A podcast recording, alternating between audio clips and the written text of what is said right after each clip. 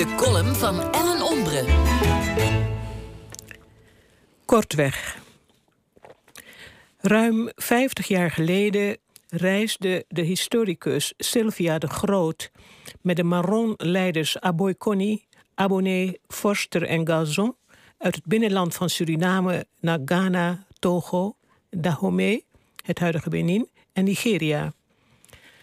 Uit deze en andere West-Afrikaanse landen werden vanaf de 17e eeuw gedurende 300 jaar de voorouders van de door deze Gramans bestuurde Maron-gemeenschappen verschacherd en als slaven weggevoerd. Ook mijn voorouders trof mogelijk een soortgelijk lot. Overbekend is het aandeel van Holland in het transatlantische mensenhandel met verwijt en schuldgevoel als erfenis, wat de reis toen de tijd overigens niet deerde.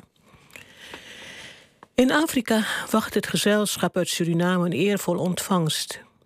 Traditionele gebruiken bij plechtige ontmoetingen, rituelen met toespraken van goden via media in trance en het Kromanti, een sacrale taal waarin het opperwezen Nana Kediapon wordt aangeroepen, werden door de Gramans herkend en gewaardeerd. Een nostalgische rootsreis? Niet helemaal. Graman Gazon, groot opperhoofd van het Juka-volk uit het Marowijnen-district, merkte na bezoek aan de lugubere slavendepots van Cape Coast Castle en St. George Elmina in Ghana op. We wisten dat de slavernij een groot kwaad was, maar dit hadden we ons anders voorgesteld. Hoe konden mensen dit anderen aandoen, zoveel honderden jaren lang? Hoe konden mensen van dit land hier aan meewerken?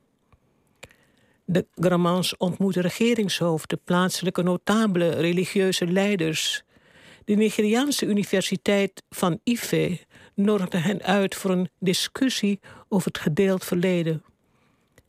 Hoe was het mogelijk dat onze voorouders met medeweten van Afrikanen als slaven werden weggevoerd, willen de Gramans opnieuw weten. De vraag bleef breedsprakig onbeantwoord. Surinaamse Gramans in Afrika, het in 1973 gepubliceerd reisverslag, verbreedde mijn kijk op slavernij en de drie eeuwen durende transatlantische mensenhandel. Het boek is nu slechts antiquarisch verkrijgbaar. De Sousa over het gedenken en vieren van aanstaande 1 juli, de dag waarop 160 jaar geleden de slavernij in Suriname en op de Nederlandse Antillen is afgeschaft, houdt me bezig. Deelnemers aan symposia en aan ronde tafels in Hilversumse studio's die het belang van slavernij, musea en herstelbetalingen bepleiten, vervullen me soms met twijfel en een bepaald soort deernis.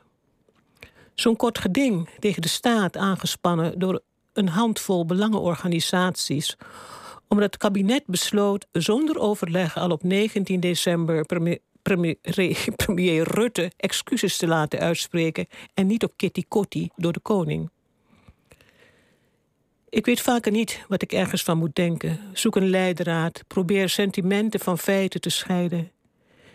Ik vind het in ieder geval onrechtvaardig dat Afrika destijds toeleverancier van slaven in de diverse discussies over historische schuld en boetedoening buitengesloten wordt.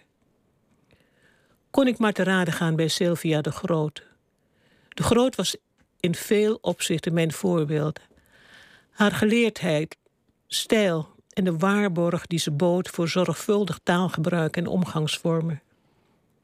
Ze had het uiterlijk van waar Simone Signoret, de befaamde Franse actrice, zich aan kon spiegelen. Ik verlang naar haar wijsheid. Ja, dank Ellen Ombre.